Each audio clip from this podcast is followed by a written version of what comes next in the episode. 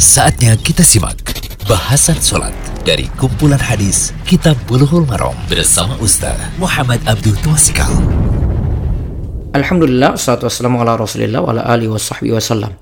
Kali ini kita berada di audio ke-76 dari pembahasan kitab Bulughul Maram karya Imam Ibnu Hajar al-Asqalani. Kita berada dalam kitab salat bab al-masajid seputar masjid.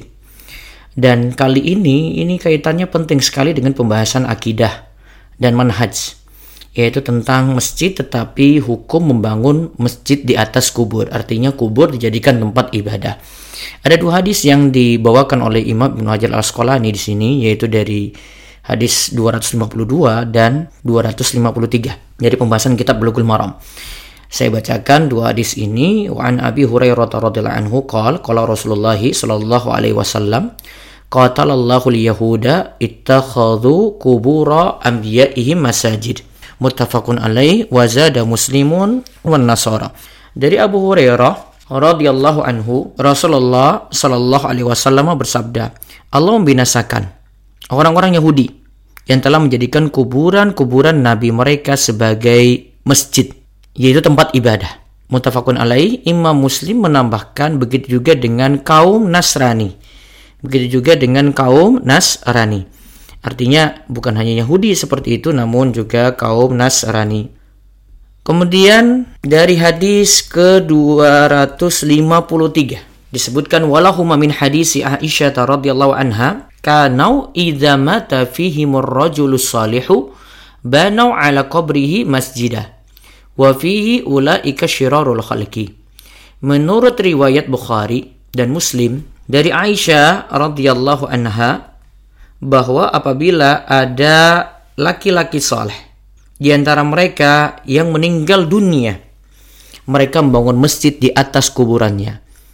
Nah, dalam hadis itu disebutkan ulaika syirarul khalqi. Mereka itu sejelek-jelek makhluk. Kita lihat faedah dari hadis yang pertama. Disebutkan qatalallahu yahuda. Maksudnya adalah Allah itu melaknat Yahudi. Yaitu melaknat di sini maksudnya dijauhkan dari rahmat Allah. Jadi laknat artinya dijauhkan dari rahmat Allah.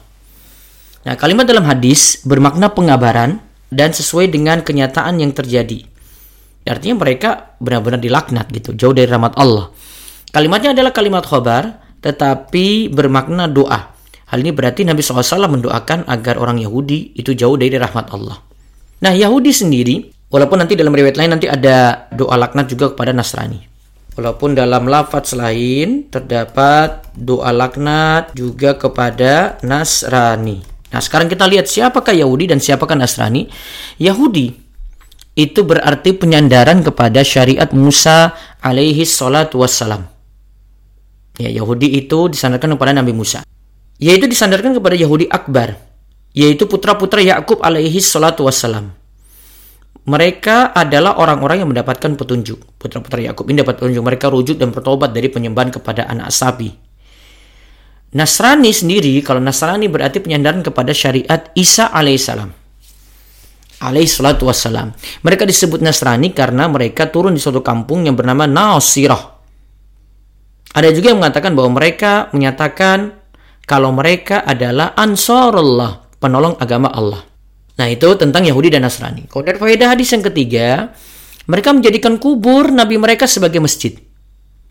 Yaitu sebagai tempat sholat ya atau tempat ibadah. Hal ini merujuk pada Yahudi karena ada kubur nabi mereka yang dijadikan sebagai masjid. Adapun Nasrani tidak menjadikan kubur Isa sebagai masjid. Tapi tokoh-tokoh yang lainnya, barangkali dari kalangan Nasrani itu dijadikan sebagai kubur tempat ibadah di kalangan Nasrani disebut dengan kanisa Yahudi dan Nasrani menjadikan kubur Nabi dan para tokoh mereka sebagai tempat ibadah. Ingat itu. Walaupun kalau kubur Nabi Isa tidak dijadikan seperti itu. Tapi secara umum Yahudi dan Nasrani itu menjadikan uh, kubur Nabi dan para tokoh mereka sebagai tempat ibadah. Ini secara umum ya, secara umum. Yang dimaksud mereka adalah sejelek-jelek makhluk. Ya, disebutkan tadi mereka adalah sejelek-jelek makhluk itu apa? Yaitu mereka telah menimbulkan kerusakan dengan berbuat syirik kepada Allah di muka bumi. Segala perbuatan yang menjadi wasilah atau perantara menuju syirik, maka pelakunya pantas disifati dengan sejelek-jelek makhluk. Terus nomor lima, hadis ini jadi dalil diharamkannya membangun masjid di atas kubur.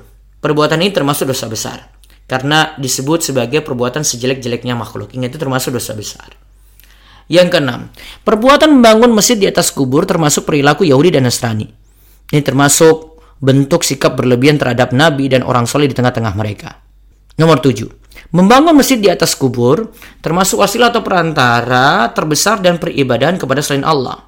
Nah, sholat di si kubur juga termasuk wasilah dalam hal ini. Inilah yang disebut menjadikan kubur sebagai masjid. Itu sholat di situ, ibadah di situ, itu termasuk.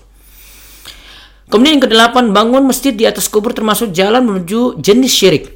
Ya, jalan menuju jenis syirik. Akhirnya ada peribadahan pada kubur dan ada itikaf di situ.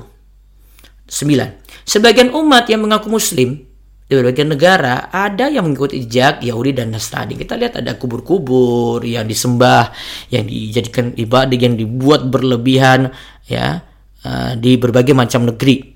Ya, termasuk di negeri kita. Yang ke-10 disebutkan dalam kitab Fathul Majid Syekh Muhammad bin Abdul Wahab sampai berkata Syirik dan penyembahan kepada kubur terjadi karena sebab Rafidah kaum Syiah. Mereka lah yang pertama kali membangun masjid di atas kubur. Nomor 11, menjadikan kubur sebagai masjid terdapat dua kerusakan dalamnya yaitu satu ya, kerusakan terhadap kubur dan bangun masjid di atasnya, dua kerusakan penyembahan kepada selain Allah. Wallahu alam bisawab, semoga jadi ilmu yang manfaat. Dan Allah senantiasa menjaga kita dari kesyirikan. Wabillahi taufik. Demikian bahasan sholat dari kumpulan hadis Kitab Bulughul Maram bersama Ustaz Muhammad Abdul Tuasikal.